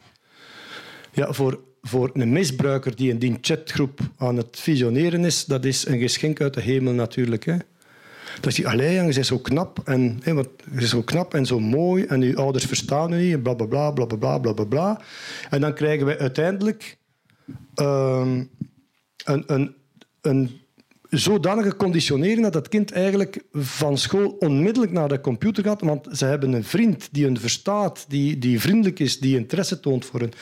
Nu, als er een oudere man met jullie dochter contact heeft op het internet, geloof mij, het, is, het einddoel is altijd om ze, ontmoeten, om ze te ontmoeten. Dat is het altijd. Dat is een Belgische studie van, ik denk, Kliks van destijds, het uh, computertijdschrift. Die hebben zo een klein beetje uh, gechat met jongeren. En zeven op de tien kinderen gaven zonder enig probleem naam, adres en nog veel meer. Hier ga ik eventjes overgaan. U kan dat straks nog bekijken als je de, de uh, PowerPoint wil. Belgische studie in Gent. Gent.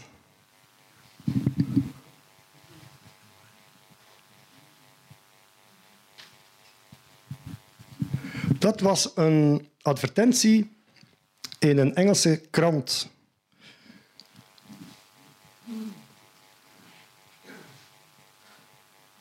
Voilà. Daar werden, zeg nu zelf, als je zo twee uh, zonen hebt van uh, eh, 9 en 11 jaar en je kunt de zondagnamiddag, jong, tussen half drie en vijf uur is op je gemak in de zetel zitten. Wie zou dat niet willen? Hè? Dus er werden daar iedere week rond de 20, 30 kinderen afgezet. Waarom vertel ik u dat? Omdat dat geen ex-professional voetballer was, maar een pedoseksueel die al verschillende keren in de gevangenis had gezeten. En ik vertel jullie dat omdat ze aan die ouders die hun kind daar kwamen afzetten, vroegen: Ken jij die man? De helft kende zelfs zijn voornaam niet, laat staan de achternaam. En dan maak ik mij een beetje lastig. Dan denk ik altijd: als je straks naar huis rijdt en je valt in pannen met je auto, gaat je dan naar de eerste beste garagist? Je ziet garage, gaat je daar je auto zeggen: voilà, is in pannen gevallen, uh, er is een geluid. Nee, u gaat dat niet doen. U gaat naar uw garagist. En waarom gaat u naar uw garagist? Omdat je weet dat die bekwaam is, dat u niet gaat rollen, dat als dat toch niet hersteld is, dat hij dan met plezier beter herstelt. En je gaat eigenlijk aan uw garagist gaat je heel veel uh, voorwaarden stellen eer dat je uw auto daaraan toevertrouwt. Ik hoop soms, dames en heren, dat als mensen een kind aan iemand toevertrouwen, dat ze alleen maar dat toepassen wat ze bij een garagist ook doen. Hè? Een aantal voorwaarden stellen. En dan gaan ze zeggen, zie je dat je ons paranoia aan het maken bent? Nee, totaal niet. We vragen ook mensen, ja, maar je doet al zo lang en je hebt twee dochters. Heeft dat een impact gehad op de opvoeding van je dochters? Nu, ik heb, hem nog, ik heb het hen nog niet expliciet gevraagd, maar ik denk het niet. Alhoewel, en daar komen we tot de grote discussie van weerbaarheid. Hoe maakt uw kind weerbaar? Dat vragen ze mij altijd. Hè. Meneer, hoe maakt uw kind weerbaar voor pedofielen? Ik ga daar straks op antwoorden. Wat ik wel deed met mijn dochters, een beetje door mijn job heen, Als ik naar een tekenfilm ging in de cinema, was ik waarschijnlijk de enige ouders. De, de film is gedaan en dan hoort je in de ganse cinema alle ouders tegen een kindje zeggen... Het was een schone film. Hè. Ik vroeg aan mijn dokters, wat vond je ervan? En daar begint de weerbaarheid. Hè. Ik heb soms een indruk dat uh, ouders zeggen... En mijn, mijn kleine moet assertief zijn. Maar wel niet tegen mij, want dat heb ik niet graag.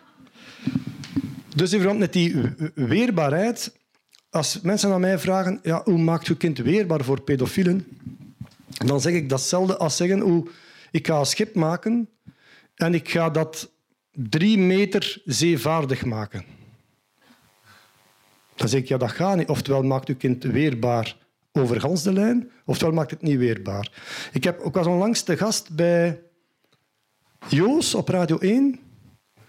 En ik heb daar, gedaan, ik heb daar een oproep gedaan van de federale politie, omdat, omdat dat onderwerp ter sprake kwam. En ik heb bijvoorbeeld gezegd, dit is een bericht van de federale politie. Wij melden nu dat regendruppels niet dodelijk zijn. Want als ik passeer aan de plaatselijke voetbalclub van mijn gemeente en ik zie daar een kleine van zes jaar naar de training gaan en ik zie daar de papa achterlopen met het tasje met de twee voetbalschoenen in, dan heb ik zo altijd iets van die papa gaat toch aan mij niet vragen hoe dat je kind weerbaar maakt. Dat gebeurt daar al, weerbaar maken.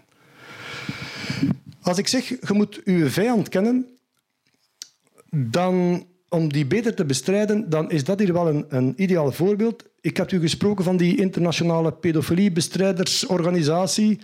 Wij hebben van alle chats dat pedofielen naar kinderen sturen, hebben wij een top 3 gemaakt wereldwijd wat de meest gestelde vragen zijn. En ik zou daar ook een quizje kunnen aanbreien, maar één, er is geen tijd voor. Twee, ik heb geen sleutelhangers meer. De, op nummer drie staat er... Wie gebruikt jouw computer?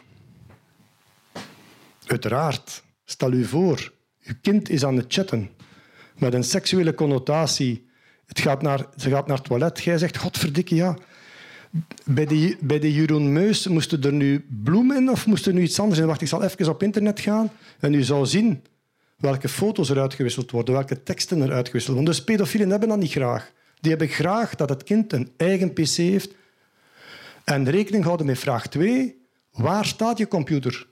Is op nummer 2. Waar staat uw computer? Nu, wij kunnen er preventielessen uittrekken en zeggen... Wij gaan die computer in de living zetten. En niet naar de muur toe, maar open. Als je bezig bent met je computer, dat je ziet dat er parentale en sociale controle is. Nu, dat is een tip die eigenlijk niet zo meer van toepassing is.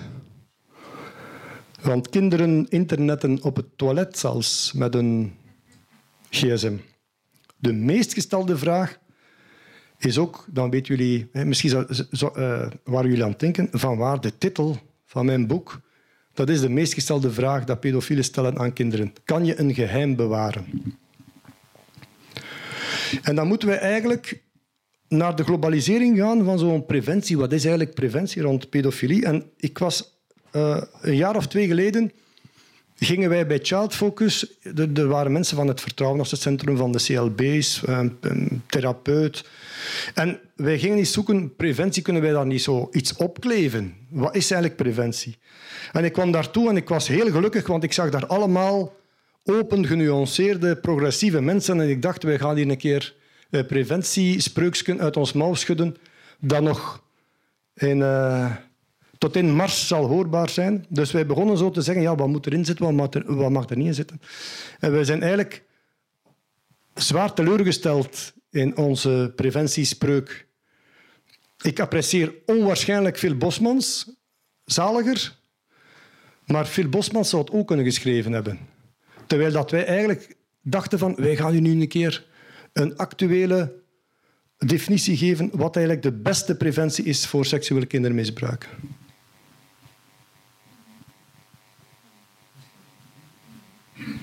Aandacht voor seksualiteit. Ik was aan het eten en mijn dochter van acht jaar vroeg aan mij: Papa, een prostituee, wat is dat? Nu, ik had geluk. dat ik juist zo een grote aardappel in mijn mond stak. En bij ons was de regel, als het mondje niet leeg is, mag er niet gepraat worden. Dus ik had de tijd om even na te denken. Twee mogelijkheden. Oftewel zeggen, meisje, dat is nog niet voor u. Dat is... Uh... Ik heb iets in de aard gezegd tegen mijn dochter van... Zeg, kijk, uh, Lien. Normaal gezien, als mensen elkaar graag zien, dan kussen die elkaar en die knuffelen elkaar. En dat is heel plezant. Er zijn ook vrouwen, als je die centjes geeft, dat ook kussen en knuffelen, ook al zien ze die meneer niet graag. Nu, is dat 100% de waarheid? Ik zal zeggen, ik heb dingen niet gezegd. Ik heb niet gelogen, maar ik heb niet alles gezegd natuurlijk. Maar het beantwoorden van die vraag op uw achtjarige dochter is dat hier. Ik vraag altijd aan ouders, hoe zou je kunnen verwachten wanneer je kind iets onaangenaam meegemaakt heeft in seksualiteit, dat ze dat vertellen, terwijl dat ze de openheid van seksualiteit court of een, iets plezant van seksualiteit ook niet kunnen vertellen. Wat, dat mij eigenlijk, uh, wat ik van geschrokken ben, hè, dat is als ik contact heb met ouders en met leerkrachten. Ik dacht dat dat bij ons was dat heel simpel. Hè. Ik zat naar tv te kijken als twaalfjarige uh, jongen. Er kwam een blote borst op tv. Mijn pa die zette zich recht en die zei... Ja, er was nog geen afstandsbinding. Hè. moest nog... Die zei... Ah ja, ja, ja, ja. Met al die zever... Pluk. En die verzetten dat op een andere post. Misschien is dat bekend bij jullie ook. En ik dacht 2013, 2012... Man, er wordt meer over seksualiteit gepraat dan over de voetbal in de huisgezinnen. Is niet zo. Tot mijn grote verwondering is dat toch naar de leerkrachten toe, naar ouders toe, een taboe om over seksualiteit te praten. Nu, ik zeg dan ook in mijn boek, je moet niet zeggen, we gaan nu eventjes over seksualiteit praten. Je moet gewoon uh, uw kind ook niet bang maken. Hè. Uh, er is een, uh, een project geweest in Duitsland, twee projecten. En daar hebben ze kinderen die naar school kwamen, hebben ze één klas, twee verschillende klassen. En er stond een, een, een oudere heer die dat tegen die kinderen zei, die dan stelselmatig afkwamen. Nee, meneer, dat ze dus niet kenden. Zeg, ik heb uh, snoepjes uh, voor gans de school. Ga je eventjes mee met de wagen, die gaan halen, hè, dan, dan krijg jij een snoepje extra. Dus het percentage werd gemaakt en dan hebben ze één klas preventie gegeven van vreemde mannen, daar mag je niet mee meegaan, bla bla bla bla bla bla bla. Ze hebben het experiment herhaald de week nadien. En wat bleek? De, de kinderen die preventie gehad hadden, gingen veel minder vlug mee met die man dan degenen die geen preventie hadden gehad. Maar ze hebben dat dan zes maanden niet gedaan. En na zes maanden hebben ze dat teruggedaan. Bleek dat dat niks had opgebracht.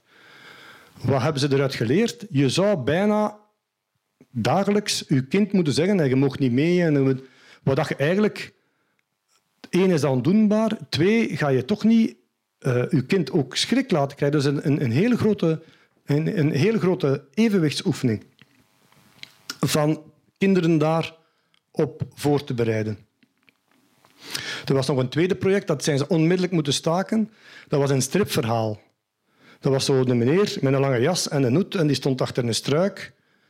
En ze zeiden, ja, je moet dan lopen, je moet dan gaan lopen, roepen uh, bij de eerste deur bellen. Dat was zo'n heel leuk stripverhaal. Nu, waarom hebben ze dan onmiddellijk moeten stoppen? Er waren een aantal scholen waar de, de bel rinkelde op het einde van de, de schooltijd. En daar stond opa te wachten met een lange jas en een hoed.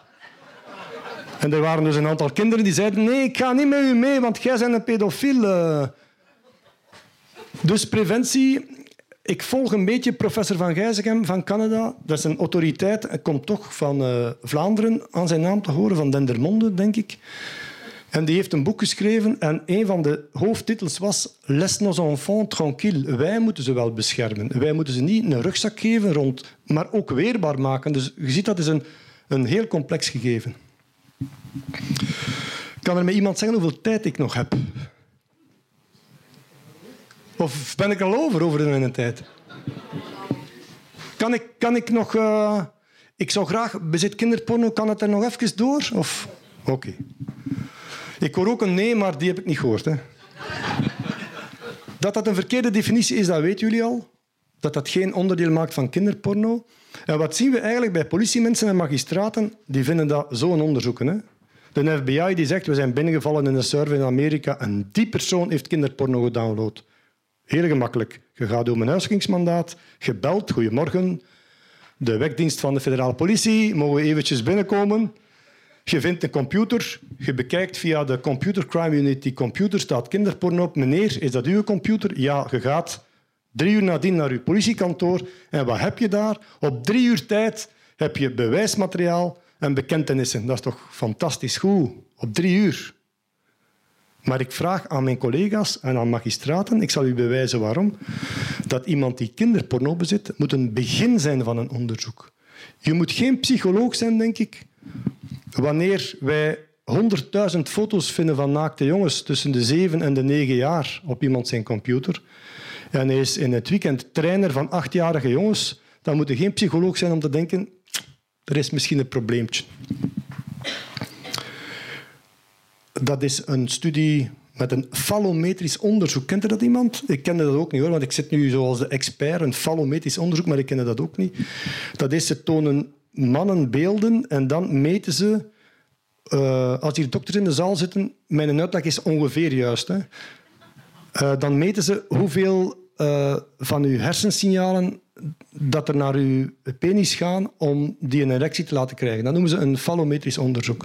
Of iets in de aard. Dat is veel interessanter. Dat is het laatste waar ik het ga over hebben met jullie. Uh, 155 mensen die opgepakt zijn voor kinderporno in Amerika en die werkten vrijwillig mee. Uh, die hadden ook wel vertrouwelijkheid. Dus wat er in die therapie ging gebeuren, ging niet aan justitie gemeld worden. Dus uh, die zijn 18 maanden intensief gevolgd. En in het begin van die studie vroegen ze aan die 155, zeg, je zit hier wel voor bezit kinderporno, maar onder ons nu, hoeveel kinderen heb je eigenlijk echt misbruikt al?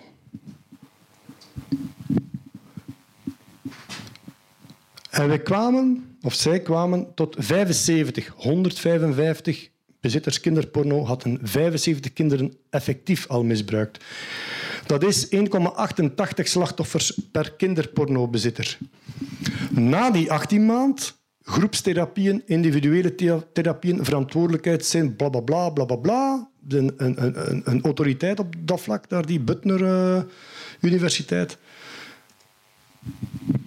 Vroegen zij op het einde van die 18 maand, zeg nu een keer in alle waarheid, hoeveel kinderen heb je eigenlijk al effectief misbruikt? En wij kwamen, of zij kwamen, tot een fenomenaal bedrag of getal van 1777, wat met een rekensommetje uitkwam dat iedere kinderpornobezitter die eigenlijk alleen zat in de gevangenis voor het bezit kinderporno, dat die ongeveer 13 slachtoffers had gemaakt per dader. Dus wat is de conclusie? De kinderpornodaders zijn in wezen meestal niet ontdekte kindermisbruikers. Uh, misschien toch eventjes zeggen waarom dat bezit kinderporno dat dat strafbaar is. Wat is de origine ervan? De origine is dat de wetgever aan de maatschappij een signaal wil geven. Kinderen zijn niet beschikbaar voor seksuele acties. Dat is de origine. Daarom ben ik ook een klein beetje tegen het feit, maar die mens die zal twintig keer meer gestudeerd hebben dan ik, wat dat eigenlijk niet zo moeilijk is. Op de Universiteit in Utrecht willen ze nu virtuele kinderporno aanmaken. Om te zeggen, kijk, dan hebben die pedofielen hetgeen dat ze willen zien en worden er geen echte kinderen misbruikt. Wel, ik ben daar tegen. Eén, hetgeen dat jullie er juist zegt, u geeft geen signaal aan die pedofiel dat kinderen niet beschikbaar zijn. Maar ik vraag me dan af, ik heb trouwens denk ik in maart een debat met die professoren in Nederland wat is de volgende stap? Is de volgende stap dat wij een kamer gaan maken met struiken en dan een pop op een mechanische fiets laten rijden in die kamer en dat die pedofiel dan het kind kan van de fiets trekken en verkrachten? Is dat de volgende stap? Want ja, we moeten ze toch geven wat ze graag hebben. Uh, het, het, grote, het grote moeilijkheidsgraad is, als ik de therapeuten mag geloven, je hebt pedofielen die naar kinderporno kijken om dingen op te wekken en je hebt er die naar kijken om een behoefte naar beneden te halen. Het probleem is dat er nog geen therapeut in geslaagd is om daar 100% een verschil in te maken. Dus als jij dan virtuele kinderporno aanbiedt aan een pedofiel die het gebruikt om zijn zinnen op te wekken, dan zijn we niet goed bezig, uh, denk ik. Dat is mijn boek. En ik heb het eigenlijk niet gehad, maar Koen, ik hoop de komende jaren in leven te blijven. Maar ik heb het speciaal niet gehad op, over een super interessant onderwerp. Dat is het verhoren van pedofielen. Uh, daar sluit ik mee af. Dat is eigenlijk niet zo simpel op een aantal vlakken. Het verschil tussen een zedendelinquent en een delinquent is dat een delinquent niet bekend uit schrik voor straf, geldelijk en in de gevangenis. Bij een zedendelinquent bekent die niet of heeft die uh, beperkingen om te bekennen uit schrik voor schaamte. Wat gaat mijn kinderen zeggen? Wat gaat mijn vrouw zeggen? Wat gaat mijn moeder zeggen? Wat gaan ze op te werk zeggen? Dus dat is een, heel, een, heel, een techniek die, die je ook moet gewoon maken. Je moet eigenlijk je eigen ik... Je moet je schuif open doen, je moet je eigen ik erin steken en het terug dicht doen. Want de studies aan pedofielen, waarom heb je bekend, waarom heb je niet bekend, zijn van meestal, ik zou die hier kunnen tonen, maar meestal, ja, als de politieman geen respect heeft voor mij, dan ga ik niet bekennen. Of als hij niet meegaat, een beetje meegaat, niet goedkeurt, maar empathisch ook naar mij toe, dan, dan, uh, dan beken ik wel. En ik denk, tussen die een klets rond zijn oren te geven, dan zou ik mij misschien goed voelen. Dan heeft hij een minuut pijn. Maar als ik daar een vertrouwensband mee creëer en die bekent feiten, dan kan die eigenlijk bestraft worden en zit hij dan in de gevangenis. Je, je moet je afvragen, vind ik, als politieman, uh, wat uw taak is. En, en, uh, en daar dan, ik moet u zeggen, staat ook, uh, ik had het ook in mijn boek geschreven, mijn eerste... Als er dan, sorry dat ik... Maar ik zit aan 27 dingen tegelijkertijd te denken. Als we een huisking doen en ik vraag aan mijn collega's van de hold-up-sectie of van de verdovende middelen-sectie, dan komen ze meestal met die pedofiel op de handen, op de rug geboeid. Meestal de handboeien redelijk strak aan, aangeklikt. En dan zeg ik, ah, goeiedag, kun je de handboeien eens uitdoen alsjeblieft, collega? En dan kijken die zo naar mij. En dan zeg ik, goeiedag, uh, meneer De Wilde? Ja, mijn naam is Peter De Walle. Ja, zet u maar. Moet u een koffie hebben? Moet daar melk of suiker in? Of beiden?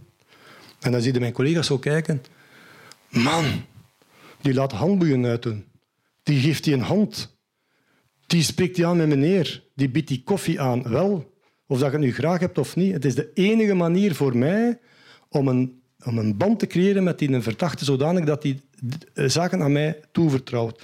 Ik moet u wel eerlijkheidshalve bekennen, dat is ook een proces geweest van jaren. Hè. Ik, ik, herinner mij mijn eerste vrouw dat ik zo deed, nadat ik gedebriefd had, had met de gedragswetenschappen. Ik had maar voor één ding zin na dat verhoor. Dat is om mij te douchen. Want ik voelde mij onwaarschijnlijk vuil omdat ik ook wat meegegaan was in zijn denkproces. Dus het is eigenlijk niet zo evident, niet alleen technisch gezien, maar ook emotioneel.